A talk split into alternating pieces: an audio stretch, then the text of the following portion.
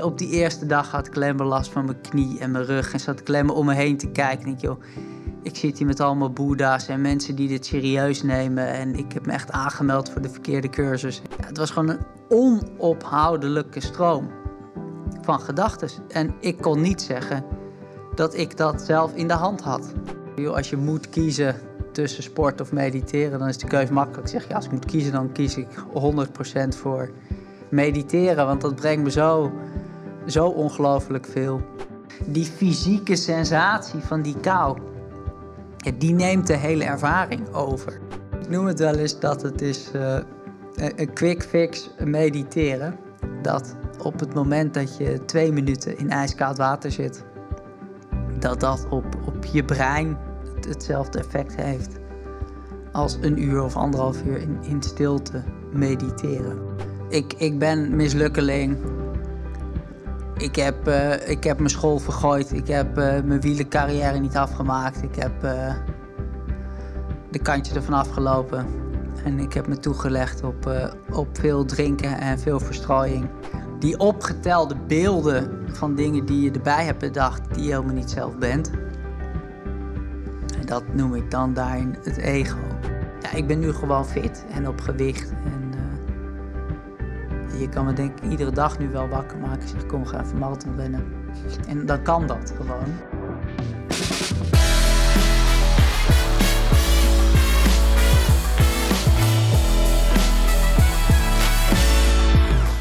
Hey, jij daar, superleuk dat je weer kijkt naar een nieuwe opname van de Win-Win-methode, de wekker die je wakker maakt. Vandaag zit ik hier met Koen de Jong. Ik verheug me echt ontzettend op dit gesprek. Maar voordat we gaan beginnen, eerst het volgende. Vind je het gaaf het werk wat ik maak? En bijvoorbeeld de blogs die ik schrijf of deze show. Deel het dan volop op je social media. En uh, je mag ook naar jannekevandermeulen.nl gaan. Daar kun je de knop doneren vinden. En uh, al met een kleine bijdrage kun je ervoor zorgen dat wij dit werk uh, voort kunnen zetten. Ja, gaan we beginnen. Welkom Koen. Hoi. Hoi. ik vroeg aan Klaas Boomsma van hoe de F is het jou gelukt om na zo lang, zoveel trainen, zeg maar, die, die marathon onder de drie uur te lopen. En toen zei hij, ja, mediteren met Koen. ja. Dat was voor hem wat ervoor zorgde dat hij ineens heel hard ging lopen. Dus ja, dat is best wel bijzonder dat om heel hard te lopen, dat je dus stil moet zitten op een matje. Dus jij dacht, hoe zit dat? Hoe zit dat? Koen, kom alsjeblieft vertellen hoe dat zo gelopen is. En uh, ja, wat mediteren jou heeft gebracht. Ja, dat is, uh, het, het mediteren heeft mij ongelooflijk veel gebracht. Als je mij 15 jaar geleden had gezegd van joh, uh, als je moest kiezen tussen sport en mediteren, en wat kies je dan? Dan had ik gezegd van joh, mediteren, zweef, zweverig flauwekul. En natuurlijk sporten, dat brengt me heel veel. Maar als je mij nu zou vragen van joh, als je moet kiezen tussen sport of mediteren, dan is de keuze makkelijk. Ik zeg ja, als ik moet kiezen, dan kies ik 100% voor mediteren, want dat brengt me zo, zo ongelooflijk veel. En uh, ja, in, in relatie met Klaas is het met dat lopen, is wat hij denk ik bedoelt, is wat uh, we hebben eindeloos uh, gewoon een uur in stilte gezeten en gemediteerd.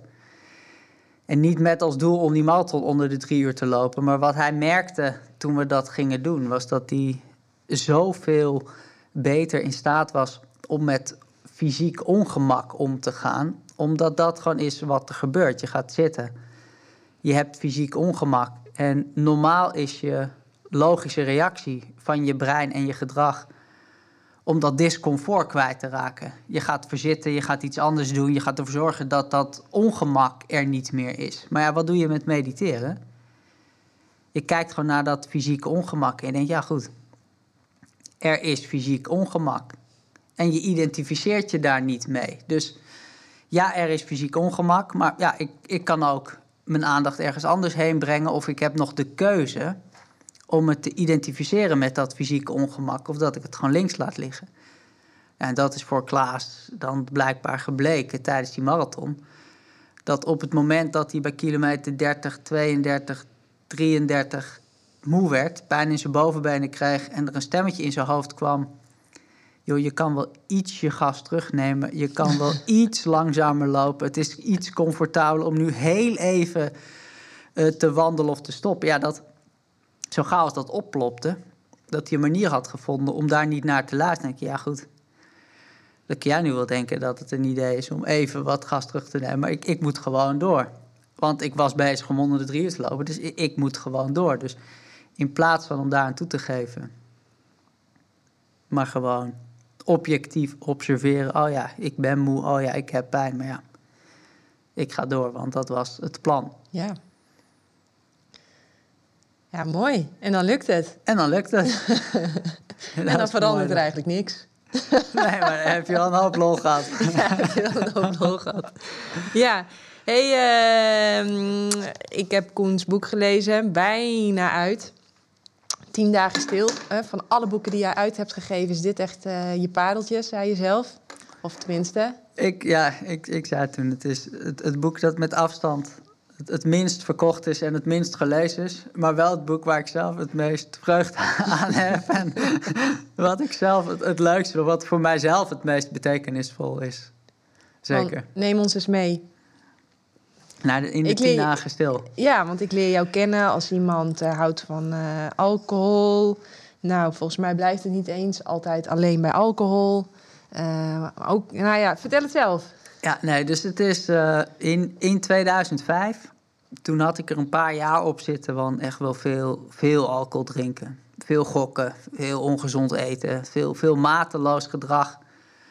Op een destructieve manier met, met weinig slaap en veel andere ongein. En op een gegeven moment werd ik best dan wakker met hartkloppingen en ik voelde me somber. En ik dacht van is dit het nou? Is dit wel het goede pad? En toen uh, las ik in de krant een artikel van iemand die praatte over mediteren. En over objectief observeren en aardig en vreugdevol zijn. En uh, naar zichzelf toe vriendelijk zijn en dankbaarheid voelen voor anderen. Nou, iets in dat artikel raakte me dat ik niet dacht, joh, wat een zweverige flauwekul, maar dat ik dacht, hé, wat een interessante kost. En toen ben ik gewoon eens gaan googlen op, op meditatiecursus of zo. En toen had ik een tikkie impulsief aangemeld voor een meditatiecursus in België. En eigenlijk pas nadat ik me had aangemeld, keek ik van, joh, wat, wat is dat eigenlijk precies? En toen bleek het te staan dat je tien dagen niet mocht lezen, niet schrijven, niet praten gewoon tien dagen helemaal niets. En wat dan wel? Nou ja, elf uur per dag uh, op een kussen zitten en mediteren. En ja, ik had nog nooit één minuut gemediteerd, maar ik, ik ging daarheen. Nou en op de eerste dag werd ik helemaal gek, want ik dacht gewoon van ja, ik leer hier wel mediteren. En ik wist niet precies wat dat was. Maar op de eerste dag was de instructie van de leraar, was je observeer je ademhaling in het driehoekige gebied dat begint tussen je ogen, je neusvleugels bestrijkt en het gebied boven je bovenlip. In die driehoek observeer je ademhaling. Nou, oké, nu weet je genoeg. Succes de komende elf uur. en ik zat echt zo. Wat is dit? Nou ja, ik, ik probeerde met mijn ademhaling daar te lukte nog geen tien seconden. Of ja, er plopt een gedachte op. En nou ja, op die eerste dag had ik alleen last van mijn knie en mijn rug. En zat ik om me heen te kijken. En ik, joh, ik zit hier met allemaal boeddha's en mensen die dit serieus nemen. En ik heb me echt aangemeld voor de verkeerde cursus. En uh, dit is echt niks voor mij. Maar dacht ik ook, ja, ik kan moeilijk nu al naar huis gaan. Want ja, ik heb thuis tegen iedereen gezegd... ik ben tien dagen niet bereikbaar, ik ben tien dagen weg... ik ga tien dagen mediteren. Kan ik toch moeilijk op dag één al hier weggaan en zeggen... ja, het was niks voor mij, dus nou, ik bleef zitten en die worsteling duurde zo even. Maar ergens op de tweede of derde dag begon ik het ook al wel voor een deel interessant te vinden. Want het was ook saai en pijnlijk en frustrerend. Maar ik vond het eigenlijk wel confronterend en interessant tegelijkertijd. Dat ik dacht van ja, wie bepaalt eigenlijk wat ik denk? Want als je mij vooraf had gevraagd, joh, wie bepaalt wat je denkt, had ik gezegd, ja, ik natuurlijk, wie anders dan ik bepaal wat ik denk. Maar als die leraar daar zegt, observeer je ademhaling in dat driehoekige gebied. En ik moet keer op keer constateren dat mij dat nog geen minuut lukt, omdat er een gedachte opplopt, ja, dan, ben ik me er ook wel bewust van dat ik niet echt aan het roer sta. Want het is niet een besluit dat ik denk: ik stop nu met deze oefening, want ik vind het te saai. Ik ga nu bedenken wie ik vergeten was te bellen vlak voordat ik hier inging. Dus die moet ik niet vergeten over tien dagen te bellen. En excuses te maken dat ik niet had gebeld, maar dat ik tien dagen hier zat. Maar dat soort gedachten. Van allerlei dingen die mensen hadden gezegd, die ik eigenlijk had willen doen, die ik nog had willen mailen, die ik gelezen had, die, die voorbij kwamen in gesprekken. Ja, het was gewoon een onophoudelijke stroom van gedachten. En ik kon niet zeggen dat ik dat zelf in de hand had. Of dat ik bepaalde waar ik aan ging denken. Dat plopte allemaal gewoon op. En ik vond dat wel fascinerend. Dat ik dacht, ja, eigenlijk moet ik hier wel mee aan de gang. Want ik wist vanuit mijn studie uh, lang geleden, die ik nooit heb afgemaakt, eh, maar ik ben ooit begonnen aan een studie psychologie, waar je wel leert van dat wat je denkt bepaalt voor een heel groot deel hoe je dag is en hoe je je gedraagt. Want ja, als jij de hele dag door dingen denkt als wat ben ik knap, wat heb ik leuke kinderen, wat heb ik een leuke partner, wat heb ik leuk werk, wat heb ik leuke collega's, wat is het verrukkelijk weer. Ja, dan heb je een lekkere dag. Als je de hele dag door dingen denkt als joh, waarom heb ik geen discipline, waarom luistert mijn partner nooit, waarom heb ik de verkeerde baan gekozen, waarom zijn mijn collega's zo vervelend en waarom regent het nou alweer, ja, dan heb je een beroerde dag. Dus wat je denkt bepaalt voor zo'n groot deel hoe je je voelt en hoe je gedraagt. Maar als je vervolgens zelf niet in de hand hebt wat je dan denkt, nou, dan dacht ik, dat is eigenlijk wel de moeite waard om daar dan eens even echt in te duiken en wat mee te doen. Nou ja, en toen ging ik op een gegeven moment dat ook in die tien dagen, dacht ik wel, ja, toen ik, het bleef moeilijk, maar ik werd wel fanatieker in de zin van, ik moet wel proberen aan het werk te gaan om die gedachten te temmen en te kijken wat er dan gebeurt. Nou ja, en dan zie je wel dat dat zo ongelooflijk krachtig is. Zo ongelooflijk krachtig is. Op het moment dat dat gaat lukken.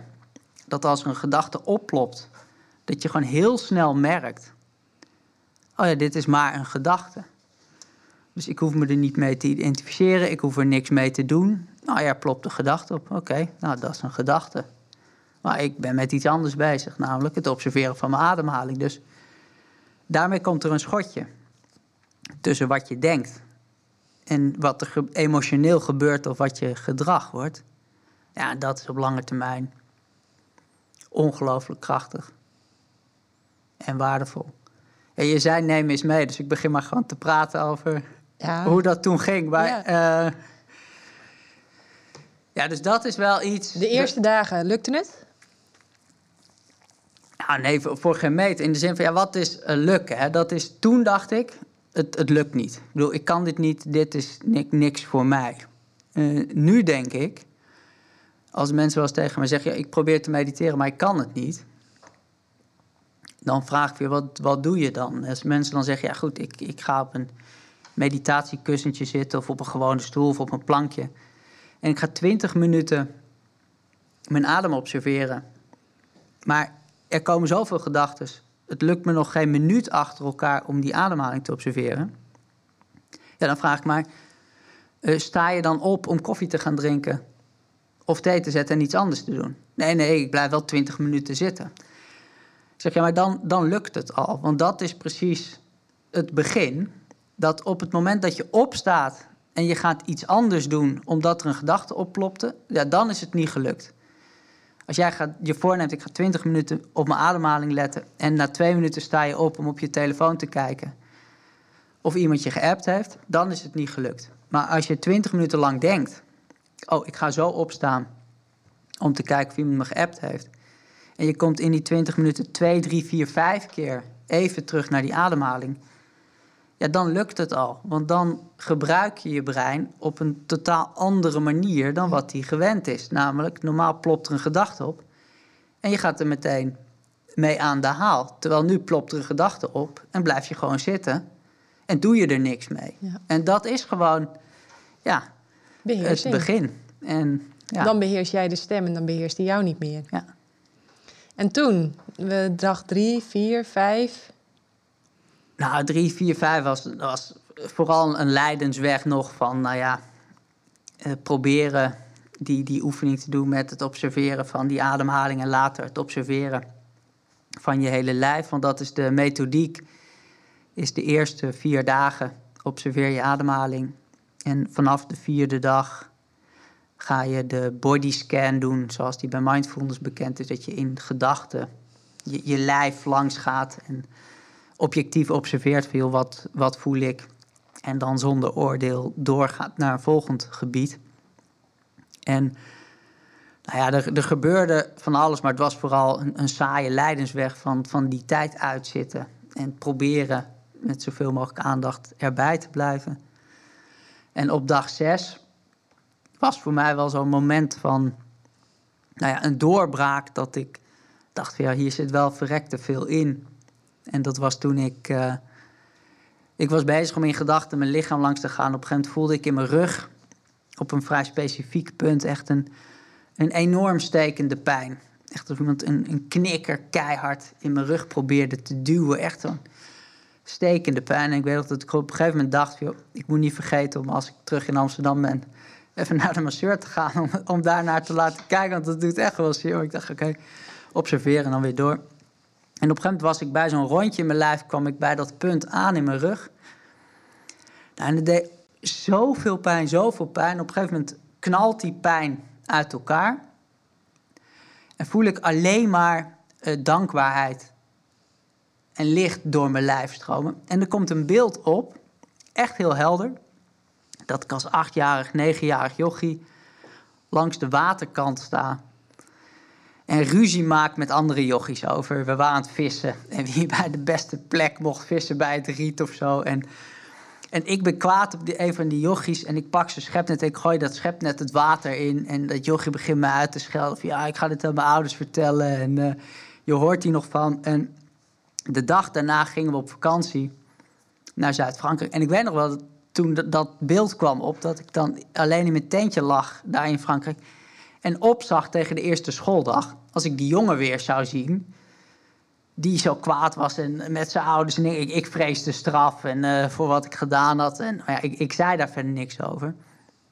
En nou, ik vond dat fascinerend. Dat, ik heb helemaal niet zoveel herinneringen aan die leeftijd. En dat dan zo'n voorval waarvan je denkt, ja, goed, wat, wat stelt het voor? Waarom plopt dit op? Maar dat je dat zich dan ergens in dat lijf gewoon heeft genesteld zo'n ervaring en een bepaalde angst voor iets wat je hebt geflikt en nou ja, vrees voor straf, heeft zich in dat lijf genesteld. En dan door gewoon objectief te observeren, plopt het op. En je voelt door er gewoon naar te kijken en er zonder oordeel niks mee te doen, dat het ook je lijf uitgaat. En nou ja, dat dat lijf zoveel herinneringen, emoties, ervaringen dan links en rechts opslaat ja, en dat als je in de waan van de dag maar gewoon doorgaat, dan blijft het er zitten. En dan neem je het mee. Maar op het moment dat je dan tien dagen gaat mediteren, observeren, naar binnen gaat en dat lijf gaat observeren. Ja, dat dit soort dingen dan bovenkomen en dat je dat dan echt opruimt, waardoor je letterlijk lichter voelt. Dus die term van verlichting zoeken, die werd eigenlijk meteen ook heel concreet. Want je voelt je ook gewoon fysiek dat je denkt, ah, ik, ik ben iets kwijt. En, nou ja, en dat, dat maakte het wel interessant. Tegelijkertijd uh, was ik ook wel een beetje bevreesd. Dat ik wel dacht, als zoiets stoms als een schepnet in het water gooien... Uh, nu al boven komt, wat staan we dan allemaal nog te wachten? Als alles wat ik heb uitgevreten afgelopen 25 jaar nog voorbij gaat komen... dan wordt het wel nog een pittige uh, sessie. Maar het is wel, nou ja, dat, dat is wel iets. Wat dat, dat gebeurde toen heel vaak. Als je dan met aandacht, toewijding, rust en gelijkmoedigheid gewoon gaat observeren. Dat er zoveel langskomt en opruimt. Wat echt, uh, echt heel bijzonder is. Dat menselijk lijf is wel iets moois. ja, je vertelt het nu, maar ik denk dat het voor de luisteraar, of misschien wel mensen die kijken. Ik bedoel, volgens mij daarvoor ja, kotste je van het woord mediteren. En, en, en dat is, ik bedoel, je zat daar je, je hebt ook heel vaak weggewild. Je wilde Ja. eigenlijk weg. En iets in jou heeft gezegd van, nou, blijf toch maar zitten. Want het, het feit dat, nou ja, het is bijna een wonder dat je, dat je tot die zesde dag bent gekomen. Ja. Ja, ik weet niet of dat, of dat mediteren dan toch ergens trok dat ik dacht, ik moet hier blijven zitten. Of dat dat alleen maar ego en trots was dat ik dacht, ja, ik kan thuis toch niet verkopen. Ik vind het zo mooi. dat Jij- ik het jij niet volhoud. Nee, precies. Jij schrijft op een gegeven moment ook die anekdote dat naar huis gaan, dat, dat, en dat, om, ik herken het zo. Ik heb namelijk wel eens eh, testen moeten doen voor het ergometeren. En dan werd het, ja, dan had mijn ego had me gewoon compleet in de greep. Ik was echt bij haal 1 was ik al in paniek of ik haal 2000 wel goed zou kunnen doen. nou, dat slaat natuurlijk helemaal nergens op dat je hè, bij kilometer 1 van de marathon al in paniek bent. eh. maar in ieder geval, eh, ik ben dus toen een keer gestopt met een test. Ik dacht, nee, ik kan het niet, ik stop ermee. En dat voelt dan op dat moment echt best wel als een opluchting. Maar ja, ik vergelijk het dus altijd met in je broek plassen. Dat is ook, voelt ook echt als een opluchting. maar ja, op een gegeven moment wordt die broek eh, nat en hard en koud. En dan is, ja, je staat ook gewoon voor lul. En dan is het heel erg vervelend. En jij omschreef zo mooi, ja, het is dan als een slak zonder huisje. en ja, als je daar een keer mee geconfronteerd wordt, dat stoppen klinkt heel aantrekkelijk. Alleen het is zo vervelend, want je bent en gestopt. En je krijgt de hele omgeving over je heen van... oh ja, je bent, ja, je bent gestopt, hè? Wat vervelend. Oh. Dus het is ja, misschien wel inderdaad je ego wat je daar gehouden heeft. Je trots. Ja, Ja. fantastisch. Tenminste, zie je maar weer hoe het soms kan dienen. Ja, En toen, nou, dag, eh, neem ons mee richting dag 10. ja, dus ik heb toen eh, dag 6, 7, 8... heb ik echt wel eh, hard gewerkt in de zin dat ik echt wel al mijn concentratie bijeen raapte om zoveel mogelijk echt bij mijn lijf te blijven en te doen wat, wat de opdracht was. Ja, en op dag 9 was ik er wel gewoon een beetje klaar mee. Toen dacht ik, ja, ik wil, ik wil wel naar huis. Ik heb echt wel een zware tijd gehad, veel tegengekomen, veel gedaan. Dus toen eh, eh, ging ik in gedachten gewoon andere dingen doen. Dus toen, eh, ik, ik weet niet precies op welke dag, maar ik weet dat ik op een gegeven moment heb ik echt wel lang besteed om te kijken hoeveel Suske en Wiskes ik me nog kon herinneren. En eh, welke nummers van Guns N' Roses. Ik eh, ging gewoon kijken, hoe- hoeveel nummers van Guns N' Roses kan ik nu nog opnoemen? Nou, dan begon ik Paradise City, Sweet Child of Mine, Live and Let Die. Nou, hele rijtjes te maken. Dus dan is je hoofd gewoon andere dingen aan het doen om die tijd vol te maken. Want dan ben je niet meer bezig met nou ja, objectief observeren. Wat voel ik in mijn rug, wat voel ik daar, wat voel ik daar, wat voel ik daar. En toen ik op dag eh 10 dan eruit ging, toen had ik in eerste instantie ook wel zoiets, ja, dit was een, een leerzame ervaring. Dit was heftig. Maar dacht ik ook, ik doe dit nooit meer. En toen ik thuis kwam, ben ik ook helemaal niet begonnen met mediteren. Gelijk, toen heb ik eerst gewoon, nou ja, dacht, oké, dat heb ik gedaan. En toen na een maand of zeven, acht, toen zei mijn vriendin van, joh, ik weet niet precies wat je deed in dat klooster daar, maar wordt het niet weer eens tijd om te gaan? Want dat deed jou echt wel goed. dus die merkte al wel nou ja, dat het verschoof. En toen ging ik ook kijken. Toen dacht ik, ja, mijn, eigenlijk, mijn hele leven is anders. Mijn hele leven is anders. Ik had ander werk, ik had een eigen bedrijf, ik had een eigen website, ik had een column in, in een tijdschrift. En alles wat ik eigenlijk al wel een beetje wilde, maar nooit durfde beter te pakken, ineens was dat allemaal gelukt. Ja, in dat halve jaar. En toen dacht ik, ja, hoe, hoe kan dat dan? En toen kwam ik toch uit bij dat mediteren, dat wat ik daar oefende, door dat mee te nemen in de gewone dag, ja, dat mij dat ontzettend veel bracht. En om een voorbeeld te noemen, want dit klinkt misschien een beetje vaag, maar eh, ik werkte toen bij een vrouw die heel veel voor me betekend had, die me heel veel geleerd had. En ze had een centrum voor mensen met burn-out en chronische vermoeidheid. En dat centrum was gewoon vrij druk. En ik werkte voor haar en ik deed de individuele metingen van ademhaling en inspanningstesten om, om die mensen mee te geven, joh, met welke ademhalingsoefening kun je een energielek dichten en met welke sport kun je rustig opbouwen zodat je meer energie krijgt. En nou, ik vond dat inhoudelijk interessant. Alleen uh, die mensen met burn-out en met fibromyalgie, uh, daar liep ik zelf helemaal op leeg. Want ja, ik was zelf uh, 25 en met van alles nog wat bezig. Om de hele dag omringd te zijn door mensen met een burn-out en met vermoeidheidsklachten. Ja, ik werd daar zelf doodmoe van. En het liefst dacht ik, zou ik iets willen doen met deze kennis uh, voor hardlopers en wielrenners. Dat lijkt me eigenlijk leuker. Maar dacht ik, ja, maar goed, ik ben helemaal geen ondernemer. En als ik geen klanten krijg, dan kan ik de huur niet betalen. En ik heb helemaal geen startkapitaal om die apparatuur te kopen. En uh, wat zou mijn baas er wel niet van denken als ik nu weg? Want ja, het is nu hartstikke druk en dat komt helemaal niet uit. Dus dan redeneerde ik het al helemaal stuk voordat ik überhaupt de eerste stap nam. En nu ging ik in plaats van dat ik meeging in zo'n negatieve spiraal van gedachten en het zelf invullen waardoor ik niks meer hoef te doen, ging ik gewoon kijken van ja, maar ja, wat is er nou eigenlijk nodig? Gewoon beschouwend, van een afstandje van objectieve observeren. Oké, wat is er nodig en met wie? Nou ja, het eerste is dat je dan even met je baas gaat praten. Eigenlijk wil ik dit. Kan dit? En dan met die gaan praten. Kan dit? Nou ja, en op het moment dat je dan gewoon het neerlegt, in plaats van invult en jezelf helemaal klein denkt of het zo denkt dat je niet hoeft te handelen, ja, dan, dan gaat het ineens gewoon stromen en dan loopt het. Dan blijken dingen natuurlijk altijd anders te zijn dan je zelf in je eigen doemscenario had bedacht. Ja, en dat is wel iets. Zo pakte dat. Ik dacht, ja, verrek, dat mediteren, dat heeft me eigenlijk zoveel gebracht. Ik ga dat nog een keer doen. En toen na die tweede keer ben ik wel, uh, heb ik het wel vanzelfsprekender, gewoon ook in mijn dagelijkse routine meegenomen. Ja, en nu mis ik het echt als ik een dag niet even heb gezeten. Bijzonder, hè? Ja.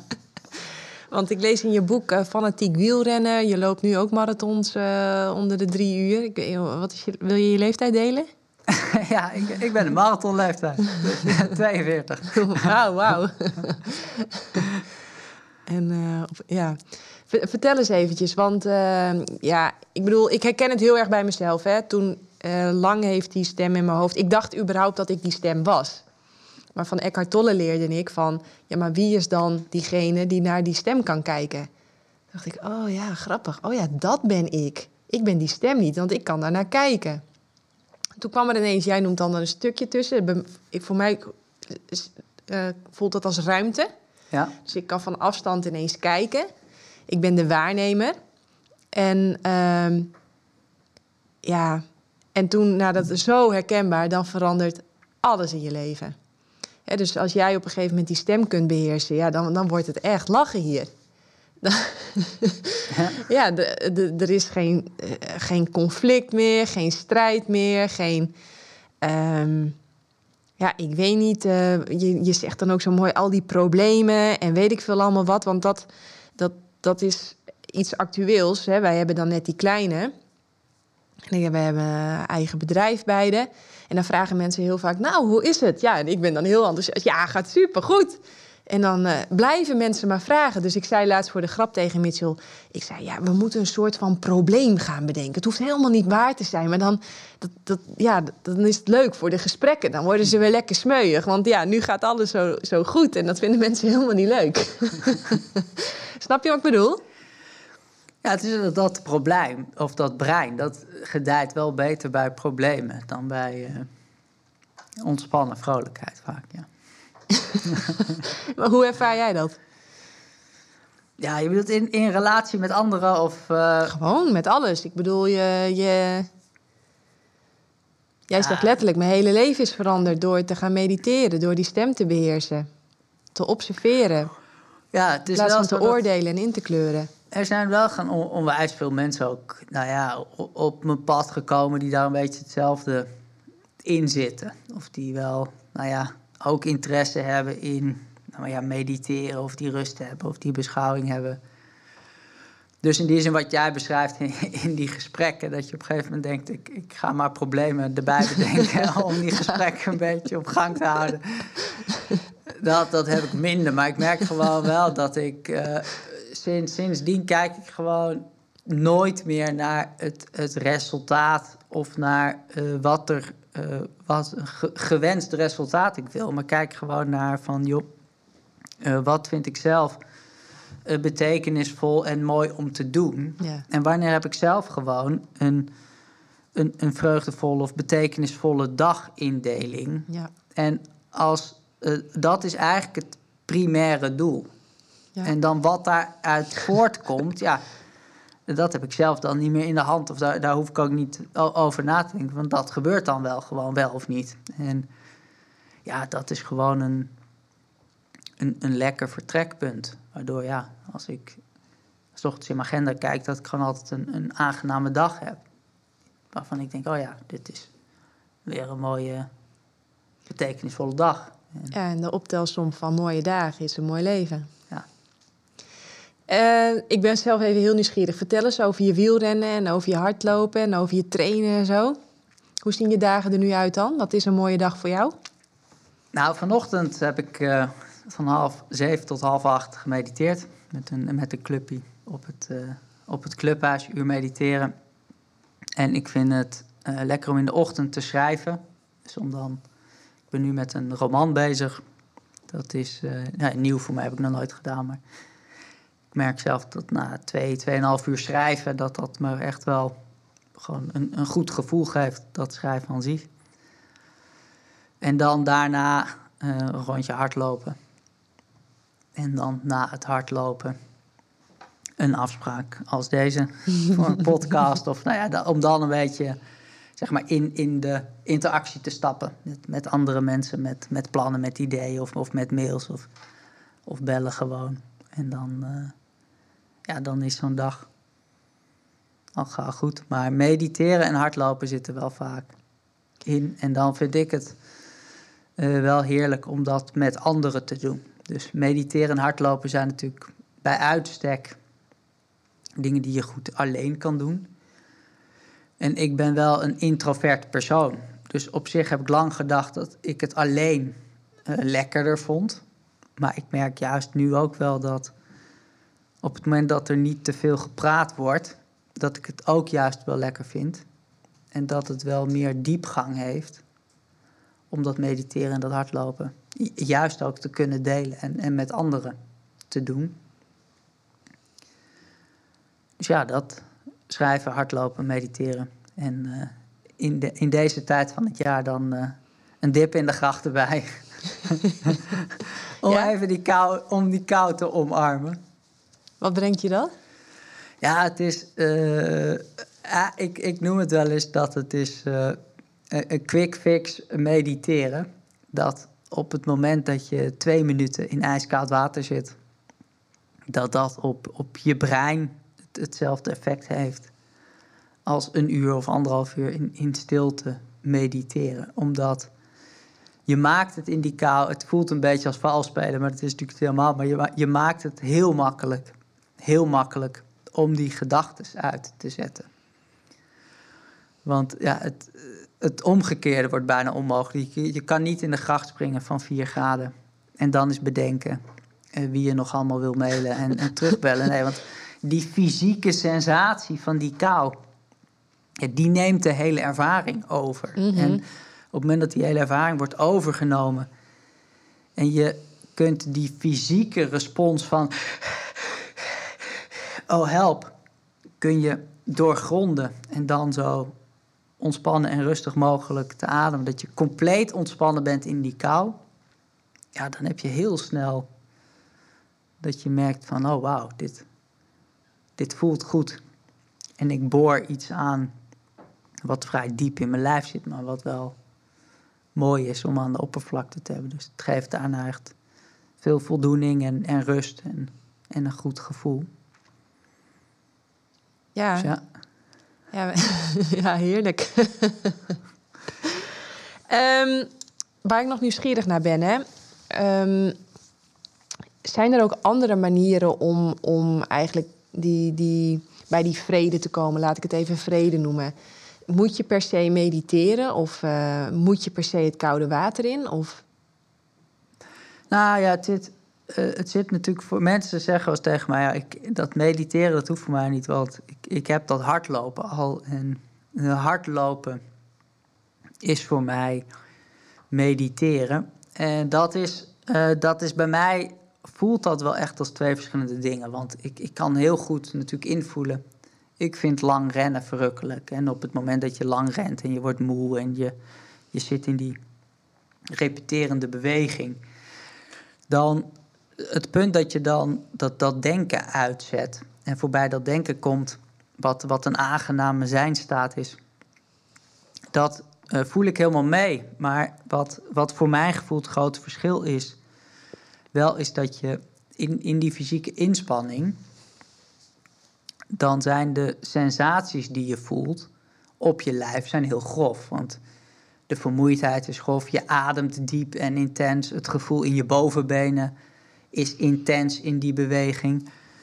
Terwijl wat je doet met mediteren, is dan observeer je ook je ademhaling, dan kom je ook bij dat lijf. Maar dan zijn die sensaties veel subtieler. Je, ademhaling is minder diep en je voelt verder niet zoveel qua grove sensaties. Dus je moet je beter concentreren om daadwerkelijk veel te voelen en voorbij dat denken te komen. En vervolgens beoefen je bewust dan om gelijkmoedig daarop te reageren en objectief te observeren. Nou ja, en dat, eh, die stap, die maak ik niet met hardlopen. Met hardlopen ben ik gewoon aan het rennen en met die, of met de sportprestatie bezig, of met het, het lekkere gevoel dat dat teweeg brengt. En dat maakt een groot verschil in, in het dagelijks leven. Want op het moment dat, eh, ik noem maar wat, mijn zoon is nu 14, dus die uh, gaat liever Minecraften dan dat hij naar zijn vader luistert. Dus op het moment dat hij zit te gamen. En weet ik veel, moe moeten gaan eten. En ik zeg, joh, het is nu basta. We hadden gezegd zo lang en uh, uit die computer kom eten. En nou ja, hij luistert niet. Op het moment dat ik dan alleen maar dat hardlopen zou hebben... en ik zou bij mezelf voelen van, joh, eh, dit irriteert me... of dit frustreert me of dit... hier word ik narrig van... dan word ik boos of dan wil ik gaan rennen... om dat gevoel te neutraliseren. Terwijl met dat mediteren ja, leer je gewoon of wordt instinctief de volgende reactie. Dat je denkt, oh, ik, ik voel bij mezelf ergernis opkomen. Maar even objectief observeren, wat gebeurt hier? Oké, hij zit een game te spelen. Hij kan nu iets afmaken, iets afronden, waardoor er extra punten komen. Wat gebeurt? Bedoel, als ik 14 was geweest, natuurlijk had ik dat ook af willen maken. In plaats van dat ik nu aan tafel ging zitten eten. Je zit in die game. Dus die makers van die, van die spelletjes, die zijn natuurlijk zo slim. Ja, die willen dat die kinderen dat blijven spelen. Dus dat hij niet naar me luistert, ja, eh, dat is eerder logisch dan gek. Dus de vraag is nu, hoe, hoe kan ik dit zo snel mogelijk oplossen? En reken maar dat dat sneller opgelost wordt. Als ik nu een beetje rustig blijf en even meekijk zeg... joh, uh, dat, heb je mooi gebouwd, die automatic sheep farm zit goed in elkaar kun je daar nog eventjes uh, die villager wat te eten geven en, en, kom dan eten. Dan ben je er sneller vanaf dan als ik nu kwaad ga lopen doen of zeg je, je luistert nooit. Uh, want en het kost mij energie en het duurt langer, dus dat heeft geen zin. En ja, dat is iets, ja, dat beoefen ik met mediteren wel, wat ik niet uit het lopen haal. En met die kou is dat wel voor een deel hetzelfde. Dat door met je volle verstand die discomfort op te zoeken. En dan in die discomfort heel ontspannen en rustig te blijven. Ja, dat brengt ook in het dagelijks leven weer heel veel. In de zin van, uh, ik had het toevallig vanochtend over nog met, met iemand die vroeg: ja, wat heb je dan aan, aan die dip in die kou en dingen? Ik heb er niks aan. En toen zei ik: nou ja, goed Gisteren moest ik echt een vervelend telefoongesprek doen. Echt zo'n gesprek waar ik totaal geen zin in had. En normaal gesproken, als ik dan ochtends om negen uur weet, oh, ik moet die bellen, daar heb ik helemaal geen zin in. Dan zou ik eerst de twee mensen terugbellen die ik wel leuk vind. Dan zou ik mijn mails gaan doen. Dan zou ik een kopje koffie gaan zetten. En dan zou ik andere dingen gaan doen. En dan net zo lang tot het kwart over vijf was. En dan zou ik denken, oh ja, nu is het kwart over vijf. Nu kan ik die niet meer bellen, komt morgen wel. Waardoor dat telefoongesprek eigenlijk gewoon de hele dag in mijn systeem zit. En. Terwijl nu denk ik, ja, op het moment dat ik dat vervelend vind, dan ga ik dat als eerste doen. Want dan weet ik, ja, dan ben ik er maar vanaf. En dan is het uit het systeem. En ja, dat zijn van die dingen. Dat is wat je doet met kou. En we zijn natuurlijk erg geneigd om te redeneren vanuit dat denken en dat gedrag. Terwijl als je met dit soort dingen je, fysiek gewoon traint, dan koppelt je lijf dat automatisch wel ook aan, aan dat denken en dat gedrag. Dus dit gaat bijna vanzelf. Als je iedere dag die discomfort van dat koude water opzoekt, dat je denkt: oh, wacht even. Op het moment dat iets vervelend is en je doet het, heb je meteen daarna de beloning en een voldaan gevoel. Ja. En met die kou is dat één op één heel heftig. Maar ja, dat is ook met dat soort irritante gesprekken en dingen is het ook zo. Want het is gewoon lekker als het dan achter de rug is. En als het maar geregeld is en als het maar gedaan is. Dus ja, en dat scheelt natuurlijk op, op lange termijn, op al die dagen. Ja, dat scheelt je zoveel. Energie en. Ja, ja, ja, ja, dat- je zegt iets heel moois. Want ga dat maar bij elkaar optellen. Ja, het is echt ongekend. Ja, ga dat maar bij elkaar optellen. Al die, al die uitgestelde gesprekken of al die keren dat je een mes in je eigen waarde hebt gestoken... eigenlijk omdat, omdat je je weer niet aan je eigen afspraken hebt gehouden. Jeetje. te- oh. Ja, dat is, ja, tel dat maar op. Ja, dus ja, een beetje lang antwoord op jouw vraag. Van, nou ja, beha- behalve dat mediteren in de kou heb je nog andere manieren eh, daarin. Het is voor mij wel dat dat zijn wel twee, de twee eh, krachtigste op een manier waar je gewoon in het dagelijks leven het meeste profijt van hebt. Waardoor gewoon of alledaagse saaie klusjes of irritante alledaagse eh, verplichtingen ja, ineens eh, luchtig en makkelijk worden. Ja. En vanuit dat sporten en dat lopen en dingen, ja, daar haal je gewoon eh, lol uit, voldoening uit, vreugde uit om, om dat samen mee te doen, wat ook eh, leuk is. Maar waar je ook snel in kunt vergalopperen in de zin van, ja, als er dan iets vervelends gebeurt, dat je dan denkt, ik zou willen dat ik nu kon gaan rennen. In plaats van dat je daar op dat moment ook echt iets aan hebt. Ja, ja helder. Ehm, ja, want je zegt eigenlijk als rennen eigenlijk mijn enige tool is, dan, dan, dan, dan word je afhankelijk. En moet je eigenlijk ook weer een soort van uit de situatie vluchten om jezelf te redden. Vat ik het een beetje goed samen? Ja, ja, dat is zeker een van de nadelen van als, als het alleen dat rennen is. Ja. Hey, eh, jij schrijft, eh, Janneke, veel leesplezier. Geen ego, geen problemen. Laten we even beginnen. Wat bedoel jij met ego? Ja, dat is een, meteen een goede vraag. Dan natuurlijk daarover. Maar hoe ik het ego zie, is eigenlijk als de projectie die je maakt van jezelf, wat niks met jezelf te maken heeft. Nou, dat klinkt als de Boeddha. Die zegt ook heel vaak wat het niet is. Oké. Dus het is niet de projectie die je van jezelf hebt gemaakt. Nee, dus ja, het is, je maakt natuurlijk een, een beeld van jezelf. En vervolgens eh, ga je erin geloven dat jij dat beeld bent. Nou ja, en die opgetelde beelden van dingen die je erbij hebt bedacht, die je helemaal niet zelf bent. En dat noem ik dan daarin het ego. Dus eh, zeg maar, voor jij, eh, de, voordat je aan die tien dagen begon... Wat, wat zou jij dan over jezelf gezegd hebben? Ik ben eh, wielrenner, ik ben dit, ik ben dat. Wat, wat waren alle verhaaltjes die je over jezelf had verzameld? Of die anderen over Nou, jou? toen, toen ik daar die, die eerste keer die meditatie ging, ik denk dat het eerder iets, iets was in de trant van: eh, ik, ik ben mislukkeling. Ik heb, eh, ik heb mijn school vergooid. Ik heb uh, mijn wielencarrière niet afgemaakt. Ik heb de kantje ervan afgelopen. En ik heb me toegelegd op, op veel drinken en veel verstrooiing. En anderen zouden dat niet op die manier hebben benoemd. Maar dat was wel hoe ik het op dat moment voelde. En ja, dat komt voor een deel voort uit een ego wat daarvoor uh, ideeën had, plannen had, wat er niet uitkwam. Maar wat natuurlijk sowieso altijd wel een complexe cocktail is van, van, van alles door elkaar. Mm En we zijn nu 17 jaar verder. Wat, wat, wat, want je zegt, ja, wie ben je dan wel? Als je, al die verhaaltjes, eh, als je dat niet bent, wie ben jij dan wel? Wat ben je dan wel?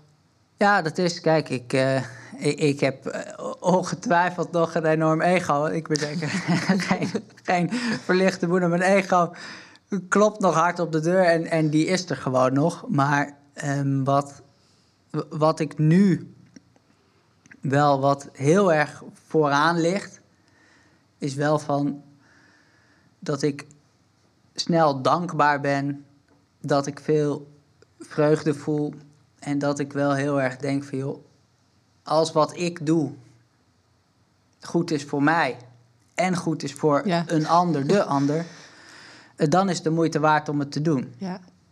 En als iets goed is voor mij en het doet een ander kwaad, ja, dan heeft het ook geen zin. En ik, ik zit wel op het punt dat dat eigenlijk nu uh, een beetje vanzelf gaat. Dat het het delen met anderen en dan zorgen dat je samen gewoon het voor elkaar echt goed doet. Ja, dat, dat, uh, dat het dan dus werkt en een goed idee is. En op het moment dat dat ego erg hard op de deur klopt, dat er ook wel vrij snel een moment komt dat je realiseert: oh ja, maar dit is dat ego en die kan beter zijn waffel houden. Want daar komt toch nooit iets goeds van. Als die zich er veel mee gaat bemoeien. Ja, oké, dus eventjes uh, samenvattend. Want jij zegt hier letterlijk uh, geen ego, geen problemen. Nou, ik denk dan dat het uh, nou ja, op zich een leven zonder problemen is misschien ook niet helemaal wenselijk. Want die problemen, of problemen, ja, wat is dan een probleem? Maar ergens um, kietelen ze je natuurlijk wel om te nieuwsgierig te blijven en onderzoekend te blijven en dat soort dingen. Toch? Nou ja, ik denk niet dat je daar op zich een probleem voor nodig hebt. Dat, om, om dat gekieteld te houden. Want op het moment dat je gewoon heel nieuwsgierig bent naar datgene wat echte vreugde geeft of waarbij je dankbaarheid oefent, dan denk ik dat je daarin ook wel een, een heel eind komt. Ja, precies. Eigenlijk wat jij nu zegt is. Um, dan kun je een soort van je eigen problemen kiezen, wat dan dus geen problemen zijn, maar dan, dan overkomt het je niet. En dan zit je niet ineens in de shit, maar dan kies je als het ware een soort van je eigen shit om aan te werken. Ja. Zeg ik het zo goed? Ja, nee, zeker. Maar nog eventjes, uh, want waarom veroorzaakt dat... Want iedereen heeft een ego, hè? ik schrijf er in de boeken superveel over. Ik denk dat het heel belangrijk is om uh, je wordt als uh, kind en als onbeschreven blad een soort van geboren. Je hebt natuurlijk wel een karakter. Um, maar dan heb je dat ego een soort van nodig om jezelf los te maken van je ouders en als uniek exemplaar in de wereld te zetten. Dus die eerste jaren dient hij je denk ik ook wel.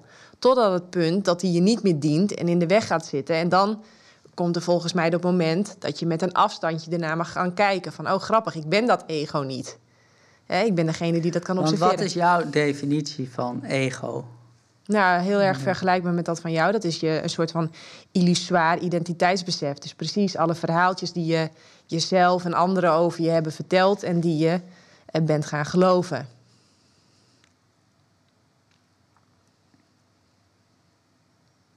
Ja. En op welk punt zeg jij dan dat dat ego functioneel was? de eerste jaren denk ik als kind dat het wel redelijk functioneel is. Maar om los te komen van je ouders? Mm, ja, om jezelf een beetje in de wereld te zetten, om je koers een beetje te kiezen, je eigen koers.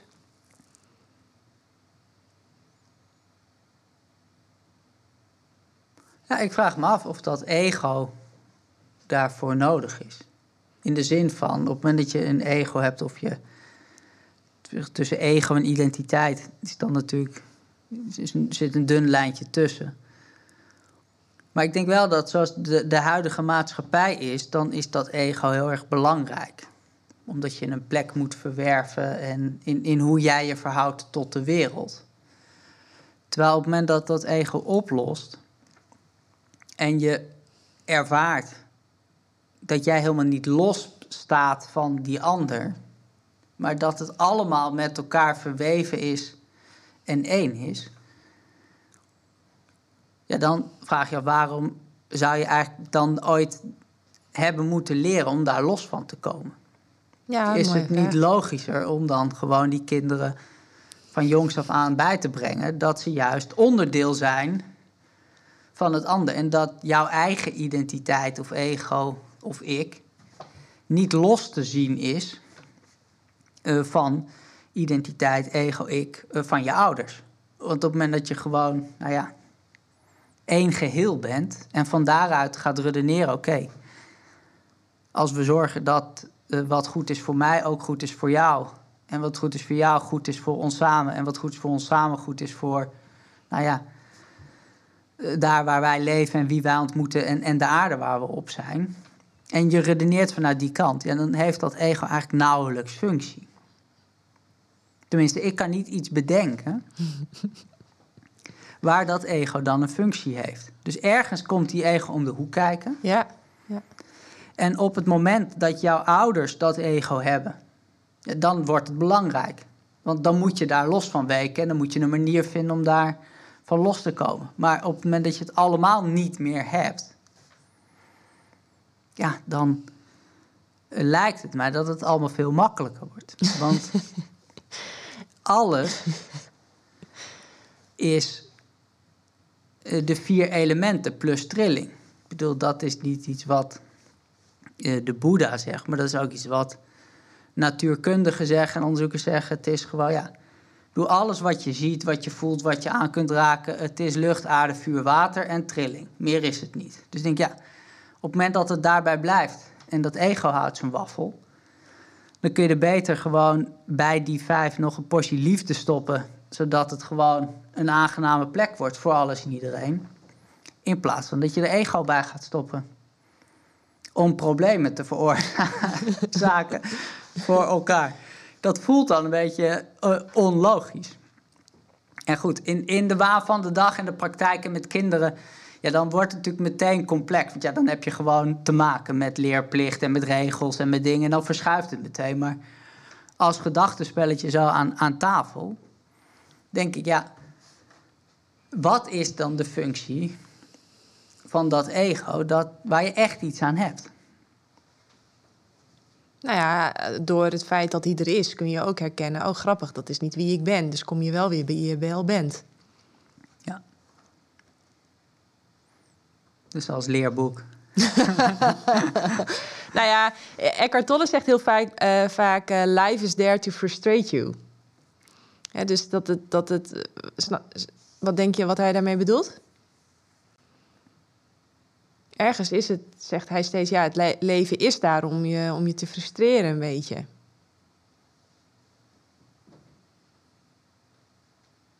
Oké, misschien een categorie wrijving geeft glans. En dat dat inderdaad op het moment dat het niet frustreert, dat je ook niet geprikkeld wordt om te onderzoeken wat er dan achter zit. Maar... Ja, ik denk dus als je dus geconfronteerd wordt met die dualiteit uh, en je kunt dat op een gegeven moment zien en je kunt in die soort van neutraliteit stappen, ja, dan, dan, uh, dan, uh, dan wordt het leuk. Dus dat dat, zeg maar, dat hij, dat hij dat ermee bedoelt. Ja, maar zodra je het doet, ben je het dan ook wel kwijt. Dan ben je het kwijt, ja. Dus dan is het er ook niet meer. Dan is het er niet meer. Nee, dat klopt. maar dan moet het er toch wel eerst zijn om dat spel te kunnen spelen, zeg maar. En daar los van te kunnen komen. Ja, ik, dat zal voor uh, een generatie zijn functie hebben dan. Maar ja, jij trekt hem groter. Ja, ik vind het mooi. Er kan natuurlijk dan ook een generatie komen waar dat dan helemaal niet meer voor van belang is. Dus ja, dat is, is kans is groot dat hij er gaat komen. Misschien gaat hij er wel komen. Kijk, ik geloof natuurlijk ook heel erg in die win-win-win, want het kan. Uh, superleuk. ja, de, uh, de titel van mijn tweede boek is zelfs win-win. Dus uh, ja, ik vind dat ook superleuk. Dat mijn winst niet ten koste hoeft te gaan van iets of iemand anders. Hoe leuk is het als we allemaal taartenbakkers worden en dat de taart steeds groter wordt en dat steeds meer puntjes uit kunnen gesneden worden en dat de punten ook steeds groter worden. Dat is toch, ja, dat is super. Ja, ik zie ineens eh, de aarde voor zijn grote taart. Ja. Hey, uh, ik heb je ook al heel vaak het woord uh, gelijkmoedig uh, horen zeggen. Wat, wat bedoel jij daarmee, gelijkmoedig? Gelijkmoedig naar jezelf kijken, gelijkmoedig observeren? Ja, ja gelijkmoedig is voor mij een, een woord dat je er wel, nou ja, met aandacht bewust bij bent. Maar dat je niet of in euforie of in frustratie zit, maar dat je daar gewoon objectief observerend naar kijkt. In de gemoedsrust die daar dan, nou ja, zeg maar in, in, in geoefend wordt tijdens dat mediteren, is dan gelijkmoedigheid. Dat je ja, er wel bent, maar niet uh, zo emotioneel bij betrokken bent. En gelijkmoedig klinkt dan misschien een beetje saai, maar er zit wel een, een ondertoon in van ja, als je dan gelijkmoedig bent, dat wel een, een serene glimlach de overhand heeft. In plaats van, nou ja, uh, echt uh, apathie of dat je, dat je niks voelt. Het is een woord wat ze veel gebruiken bij die meditatiecursus. Gelijkmoedigheid. Ja. Ik heb er wel een goed gevoel mee. het voelt wel als een mooie staat van zijn. Ja, dus het, eh, neem mij, eh, geef eens woorden aan dat gevoel. Wat is gelijkmoedig? Hoe voel je je dan? Nou, ik zou, ik denk dat. Uh,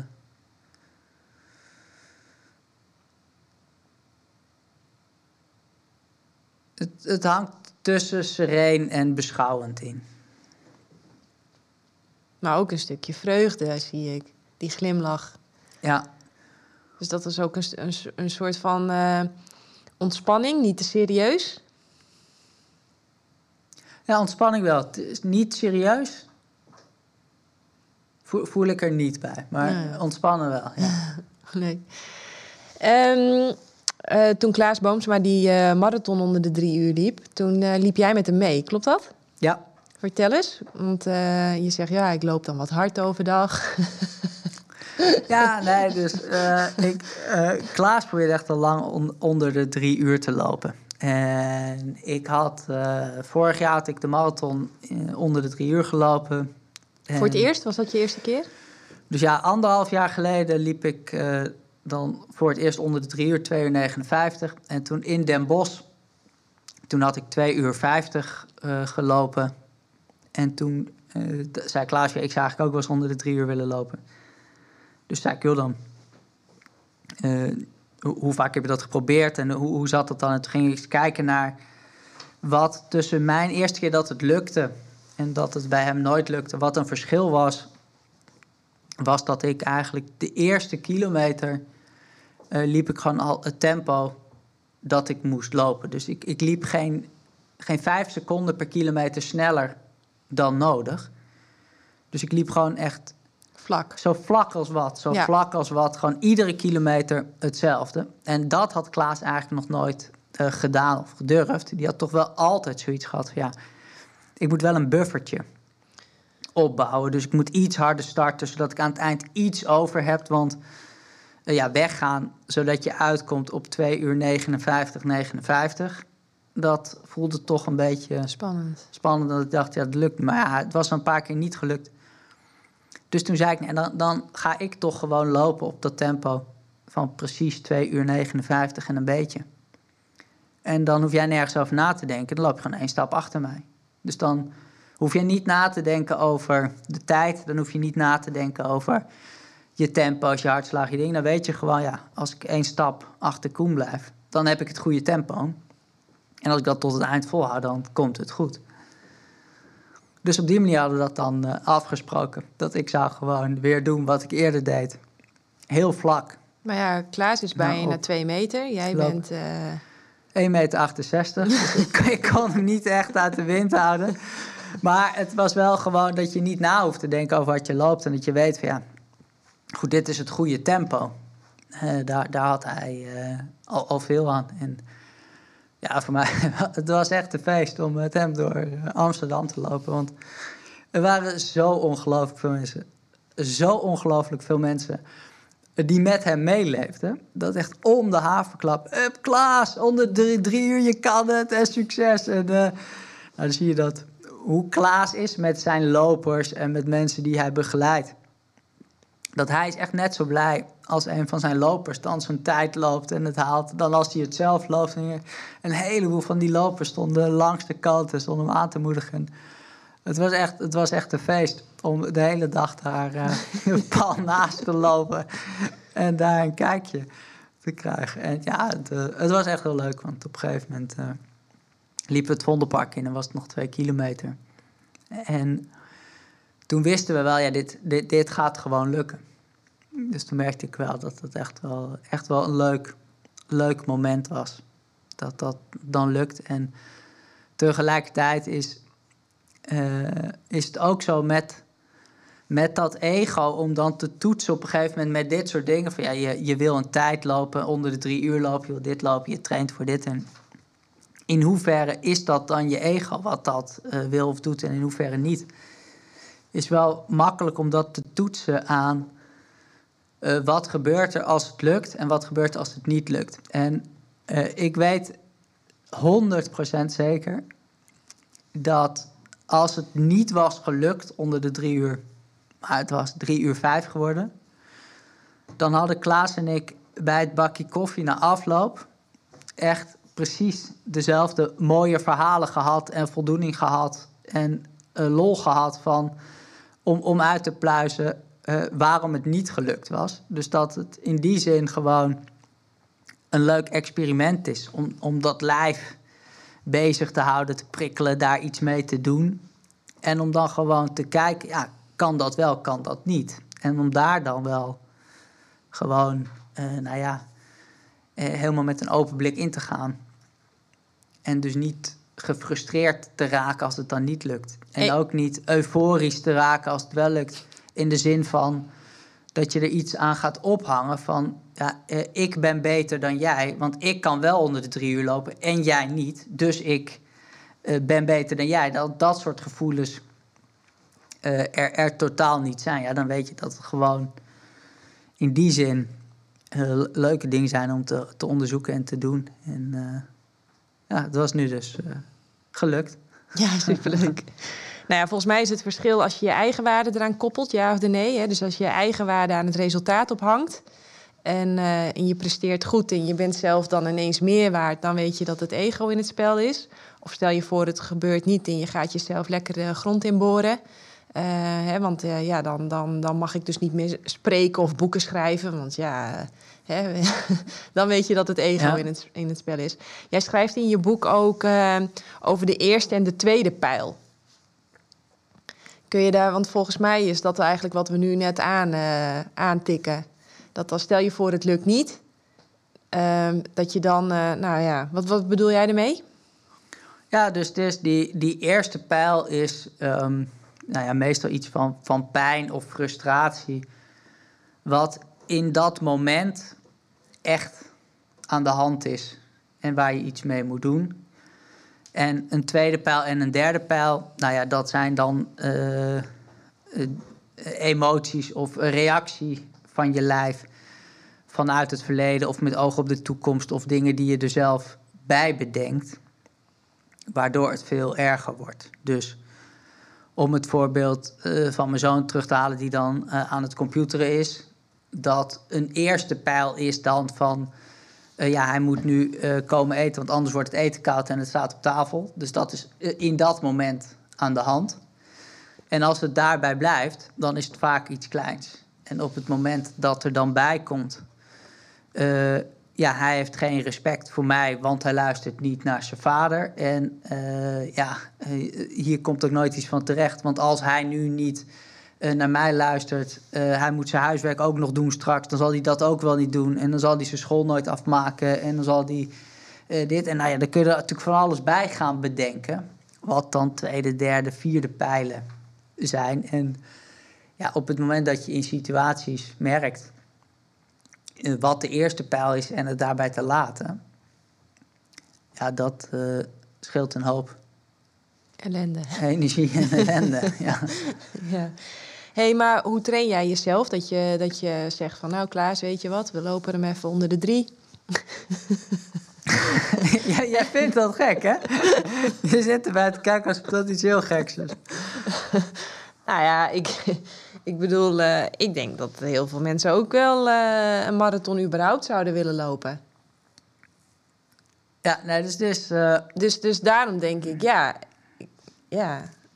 Als ik, ik postte laatst op Instagram van, nou ja, ik had even niet zoveel tijd. Dus ik heb even 7,5 kilometer gelopen. Zou ik normaal mijn bed niet vooruit komen. Maar eh, ik dacht, ja, of 0 kilometer of 7,5. Als je dan ziet hoeveel reacties je krijgt. Nou, wauw, 7,5, dat is ook al aardig. ja. Snap je? Dus daarom... eh, ja, nee, het En, is... en omdat ik gelezen heb dat je duizenden kilometers op een wielrenfiets hebt gemaakt. En er gaat een, een fabeltje eronder dat iemand die, die eh, wielrenners kunnen niet hardlopen. Dus snap je dat het. Dat, dat het Ja, nee, het is... eh, wil, je, wil je een lange versie, een korte versie of een gemiddelde versie? de leuke versie. Want ik heb tot 2002 fanatiek gewielrend. Eh, toen eh, ben ik abrupt gestopt. Toen ben ik veel gaan drinken, veel gaan gokken, veel ongezond gaan eten. kwam ik kilo's aan. Toen ben ik gaan mediteren. En toen eh, ben ik daarna gewoon gaan fietsen om weer een beetje gezond en fit te worden. Maar helemaal niet fanatiek, helemaal niet intensief. Toen ben ik boeken gaan schrijven. Eerst over ademhaling, verademing. Toen over wielrennen, ik de wielrenner. En toen eh, zei Stans van der Poel, van wie ik heel veel geleerd had van fysiologie en van ademhaling, die zegt: Joh, Koen, allemaal leuk en aardig. Dat jij nu alles wat je van mij hebt geleerd in die boeken opschrijft. Maar eh, wordt het niet tijd dat wij dan samen een boek schrijven? Want eh, ja, je hebt allemaal van mij geleerd. En ik heb die hardlopers nog wel iets te vertellen. Dus je hebt voor wielrenners nu het opgeschreven in relatie met stress. Maar er zijn zo ongelooflijk veel mensen die hardlopen. Maar er wordt heel weinig gezegd en geschreven over ademhaling in relatie met het hardlopen. Dus wij gingen dat boek schrijven voor hardlopers. En ik vond het schrijven leuk om te doen, dus ik interviewde haar en dingen en ik schreef dat op. En eh, op een gegeven moment dacht ik dat het boek bijna klaar was. En toen zei ze van, joh, eh, mijn marathonschema moet nog in het boek. En toen kwam ze met een schema waarbij je niet meer dan 14 kilometer traint als langste duurloop voor een marathon. Dus dat stond haaks op wat je tot dan toe zag in die schema's, waarbij je gewoon lange duurlopen hebt. Dus soms een 30, soms een 32, soms een 34 kilometer. En nou ja, zij vertelde van joh, die schema's die komen uit de jaren 70, uit de jaren 80. En dat is echt van de tijd dat alleen maar hele goede lopers marathons liepen. Dus op het moment dat jij drie uur over een marathon deed, dan begon je eraan. Maar als jij er vier uur over zou doen, vier en een half uur over zou doen, vijf uur over zou doen, dan kwam je nooit bij die marathon terecht. Want die lopers liepen geen marathons. Dus wat krijg je als je mensen van toen zei van, joh, ga 32 kilometer trainen. Dan was die langste duurloop was een uur en drie kwartier tot twee uur en een kwartier. Want je, die mensen waren sneller. Dus een duurloop van 32 kilometer, die duurt maximaal twee uur en een kwartier, tweeënhalf uur. Vervolgens is er de laatste jaren zijn er enorm veel marathonlopers bijgekomen. Die helemaal niet zoveel aanleg hebben voor duursport. Dus die doen er gewoon langer over. Nou prima, maar wat gebeurt er als iemand een marathon loopt in 4,5 uur? en je laat die 32 kilometer trainen, ja, dan duurt zo'n lange training gewoon 3,5 uur. Drie uur, drie kwartier. Dus je laat iemand met veel minder aanleg voor duursport, laat je veel langer lopen. Nou, dat is niet logisch. Dus wat moet er gebeuren? Is die nieuwe groep marathonlopers die erbij is gekomen, die moet je gewoon zeggen, joh, train korter. En zorg dat de kwaliteit van die training omhoog gaat. Door gericht op marathonhartslag te sporten.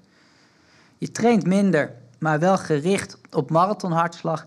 En je traint niet te veel, waardoor je ook gewoon goed uitgerust blijft. Nou, ik vond het wel hartstikke logisch klinken, dus ik had het opgeschreven. En dat boek kwam uit. En na twee weken kwamen bij mij de dreigmails binnen. Van ervaren looptrainers, van marathonlopers. Die echt zeiden van, ze moeten je armen eraf hakken. Jij moet nooit meer een boek mogen schrijven. Want dit is echt gevaarlijk om mensen met dit schema uh, de weg op te blazen. Want het is onverantwoord, want je kan zo geen marathon lopen. Nou, en Stans haalde de schouders op. Die zegt, joh, ik heb duizenden lopers hiermee begeleid. Dat werkt gewoon. Maar ik begon wel een beetje te twijfelen. Dat ik dacht, ja, ik heb het wel opgeschreven. Mijn naam staat wel op het omslag. Maar ik heb het zelf ook nooit gedaan. Dus toen dacht ik, ja, ik moet dat dan toch eens uitproberen. Dus toen ben ik met dat schema een marathon gelopen. Gewoon om te kijken, joh, kan dit wel?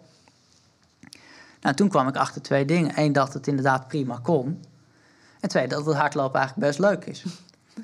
Dus toen ben ik van daaruit blijven hardlopen. Maar daarmee heb ik dus wel een, een probleem omzeild eigenlijk, dat jij net schetst. Van als wielrenner, waarbij je die Achillespezen, die hamstrings, knieën totaal anders belast dan met lopen. Als je heel snel switcht en je gaat heel lang, heel veel, heel snel lopen, dan kom je als wielrenner snel in de problemen als je naar hardlopen omschakelt. Maar op het moment dat je dat uh, stapsgewijs doet en je maakt in omvang eigenlijk niet zulke intensieve weken, ja, dan heb je wel even tijd nodig, maar dan, dan neem je die tijd ook wel. En ja, toen ben ik, uh, heb ik met dat schema heb ik toen vijf keer een marathon gelopen tot ik onder de drie uur liep uh, met dat schema. Dus in je trainingen nooit verder dan 14 kilometer en na vijf keer een marathon onder de drie uur. Ja, zo is dat toen gegaan. En toen leerde ik Klaas kennen.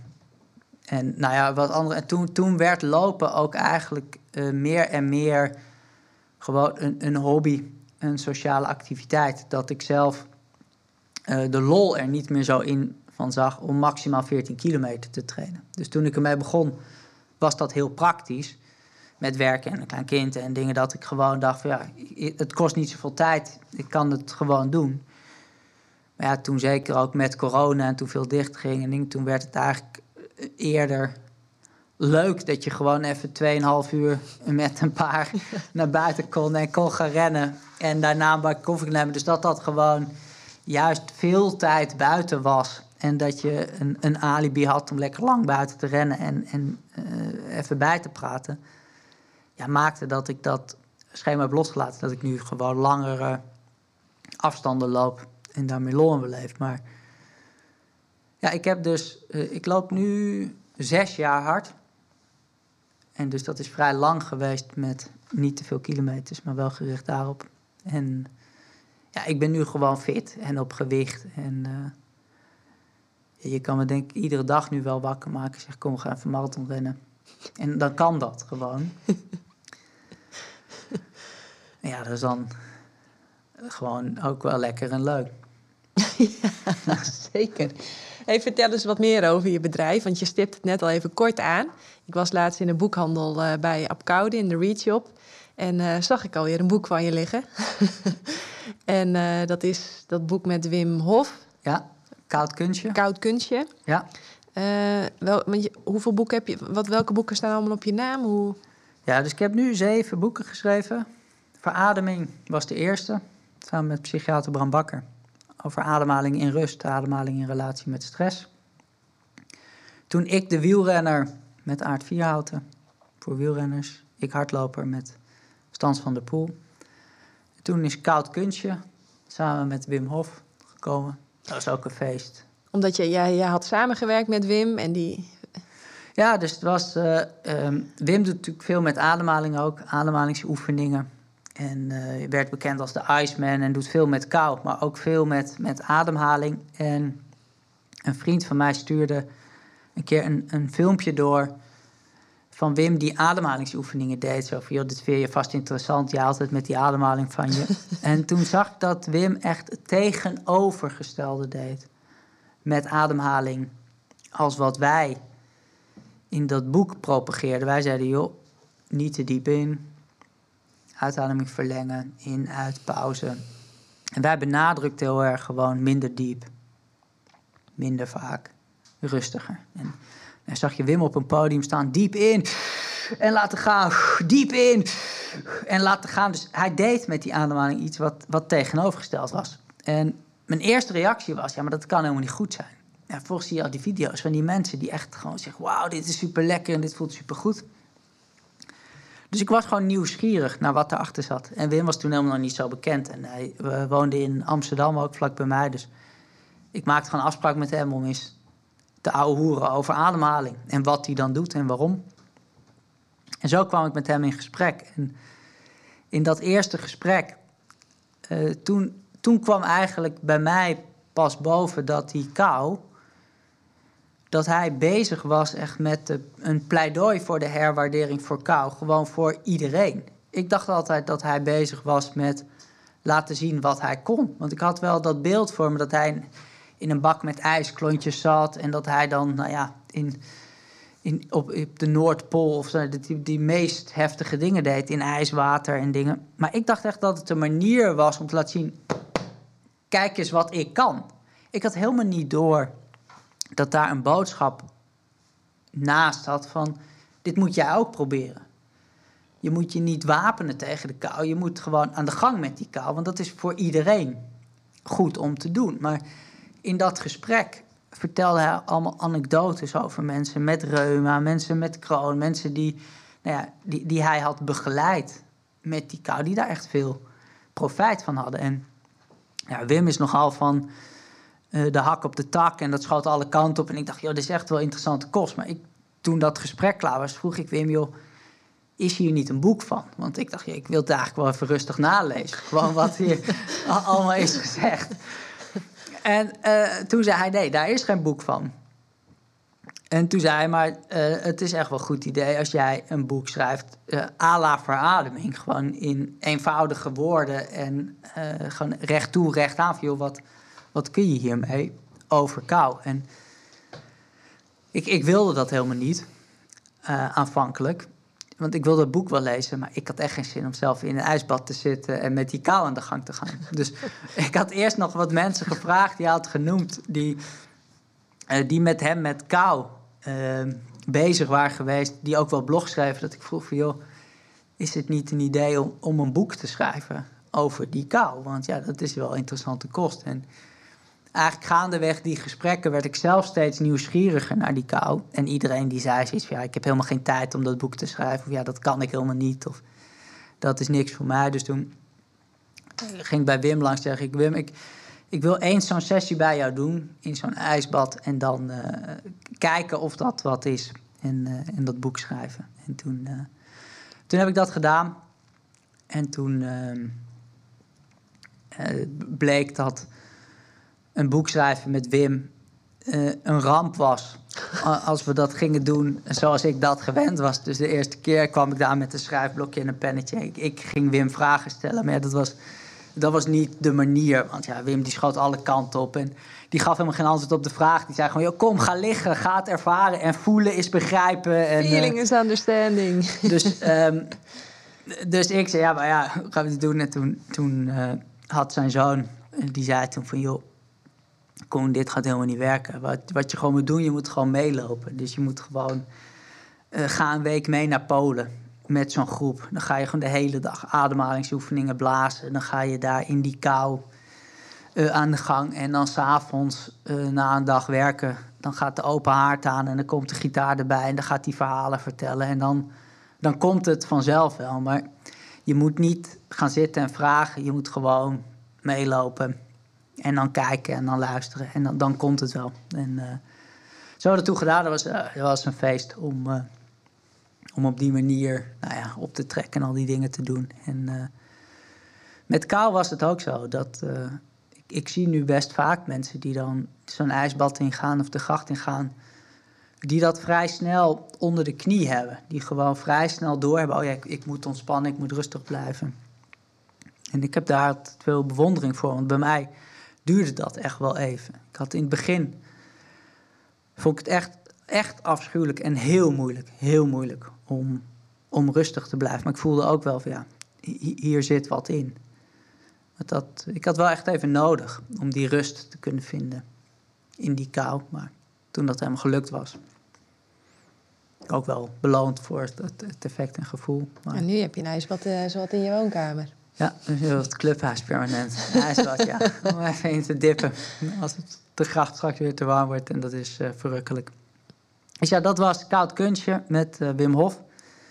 En toen daarna nog met Aard Kopwerk geschreven eigenlijk de opvolger van Ik de Wielrenner. En met stand nog de hardlooprevolutie. Tien dagen stil, natuurlijk, die bij jou ligt nog geschreven. Mm. En vorig jaar hardlopen op vermogen, een heel dun boekje. Over vrij nieuw fenomeen met, met hardlopen op vermogen. En uh, je vroeg naar dat bedrijf daarachter dan. Nou ja, hoe kunnen mensen met jou samenwerken? Dus we hebben op sportrusten.nl hebben we dan uh, veel online programma's en een jaarprogramma dingen te doen. En dat is eigenlijk een beetje ontstaan omdat we merkten dat een boek schrijven eigenlijk helemaal geen zin heeft als je op een gegeven moment iemand echt iets wil laten doen. Ik weet niet of jij diezelfde ervaring hebt met, met je boeken, maar we merkten van ja, als, als ik ergens een lezing kwam geven over ademhaling en mensen namen dan verademing mee. En ze waren echt echt enthousiast na die lezing. En als ik ze dan na een maand sprak van en uh, hoe gaan die ademhalingsoefeningen?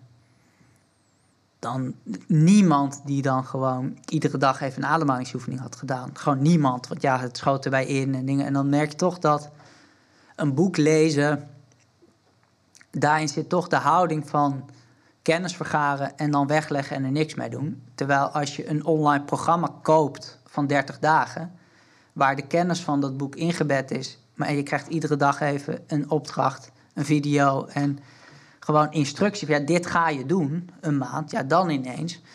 Dan krijg je wel dat mensen uh, oefeningen gaan doen en, en ermee aan de gang gaan. En ja, al die onderwerpen lenen zich er heel goed voor om met een houding van nieuwsgierigheid gewoon eens te kijken van joh, wat, wat brengt mij dit? En dat je gewoon heel makkelijk zelf kunt ervaren en toetsen van joh, ik doe deze ademhalingsoefening en het brengt mij echt helemaal niks. Dus ik doe hem niet. En hey, ik doe deze ademhalingsoefening en oh wauw, dit doet me meer dan ik had verwacht. Dus, dus deze oefening omarm ik. En dat is nou ja met, ook met kou en ook met die ademhaling en ook met hardlopen, met, met hartslagen en dingen. Dat, met dat lijf als kompas kun je zo eenvoudig dingen toetsen, uitproberen en dan kijken wat werkt. En dan, nou ja, via een website en die programma's een aanmoediging, een zetje, een stok achter de deur en een plek om vragen te stellen. En dan dat samen te doen, ja, dat, dat werkt veel beter en leuker. Dus vandaar dat we naast de boeken toen via Sportrusten. Hoe kom je bij de naam Sportrusten? Nou ja, mijn uh, vader die heeft nu al twintig jaar een, een website en die heet sportgedichten.nl. Dus die is eh, twintig jaar geleden begonnen met uh, in het weekend sport kijken en op maandag een sportgedicht daarover schrijven. En toen kwam ook sportvasten in opkomst. Dus mijn vader had al lang sportgedichten en toen had je daarna sportvasten waarbij werd aangemoedigd om weinig te eten met sporten te combineren. En toen dacht ik, ja, wat is eigenlijk de gemene deler van alles wat ik doe? Ja, dat is een combinatie van sporten en rusten. En ja, de kwaliteit van je herstel is met alles wat je doet minstens zo belangrijk als de kwaliteit van die training. Ja. Dus toen dacht ik, oh, nou ja, sportgedichten, sportvasten, nou, sportrusten, eigenlijk logisch. Oké, nou, dus, verhelderend. Ik heb er nog over na zitten denken. Ik denk sportrusten, sportrusten. Nou ja, goed. Ik heb het antwoord, dankjewel. Alsjeblieft. hey, en uh, eventjes uh, compleet out of the blue, maar later als ik groot ben, dan wil ik misschien wel een boek schrijven over de liefde, omdat ik zie dat iedereen uh, nou, op zoek is en iedereen wil ook graag een liefdesrelatie. Ehm, maar ja, er gaat ook heel veel mislukt. Dus we willen het allemaal, we doen het allemaal, maar we weten ook niet zo goed ja, wat, we, wat nou de code is eigenlijk. Um, wat denk jij dat belangrijk is dat in het boek over de liefde komt? dat vraag je wel aan de verkeerde. Oké. nee, dat ik niet. Ik ben een vrijgezel die gescheiden is na een mislukt huwelijk. Nou, een mislukt huwelijk klinkt ook zo zwaar. Het, het liep anders dan, dan we er allebei van verwachten. Ja, wat, wat zoek je in een boek over liefde? Nou, dan gaan we het over zelfliefde, want je hebt wel jezelf. Zeker. Ja, ik denk dat dat is natuurlijk wel een, een mooie. Dat je, als je vanuit zelfliefde een gelijkgestemde ontmoet, die ook vanuit zelfliefde, dat het dan samen wel echt mooi wordt. en heb jij dan een idee, een idee hoe je bij zelfliefde komt? Nou, het lijkt mij wel makkelijk als je dat ego zoveel mogelijk aan de kant is geschoven dan plopt het vanzelf wel op. Ik bedoel, ja, er zit zoveel liefde in dat lijf gewoon. Er zit zoveel liefde in, nou ja, alles. Dat op het moment dat je er niet echt daar op zoek bent of het niet echt eist of verlangt. Maar de laagjes die eromheen zitten, als die weg zijn, ja, waarmee vult het zich dan? denk toch wel dat liefde en dankbaarheid en dan twee zijn waar het vanzelf uitkomt. Ja. Maar wat je daar dan mee kunt in een boek. Succes ermee. Dat zien we dan wel. Dat maakt niet uit. Ik ben nu nog aan het, in de onderzoeksfase. Mooi. Mooi boek. Heb je alles gezegd, Koen? Nou, volgens mij zijn we best lang uh, bezig geweest. Ja? ik heb uh, niet op de tijd gekeken. Ik weet het ook niet, maar er zijn veel onderwerpen voorbijgekomen. Mediteren, kou, sport. Ik zou zeggen, gelijkmoedig voorwaarts. Gelijkmoedig voorwaarts. Nou, dan wil ik je heel erg bedanken. Graag gedaan. Succes. Of heb jij nog vragen? Nou, als jij dat boek over de liefde af hebt, kom, kom, ik terug met een waslijst. Een waslijst? Een waslijst aan vragen. Oh, aan vragen? Ja. Oh, wat, wat, wat, welke vraag heb je nu al? Nou, nee, dat komt dan na je boek wel. nee, maar de popt nu al direct op van... Uh...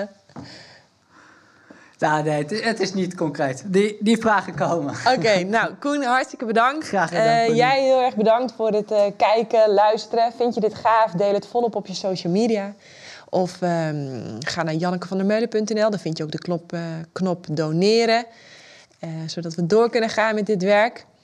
Um, ja, heel erg bedankt. En tot de volgende keer.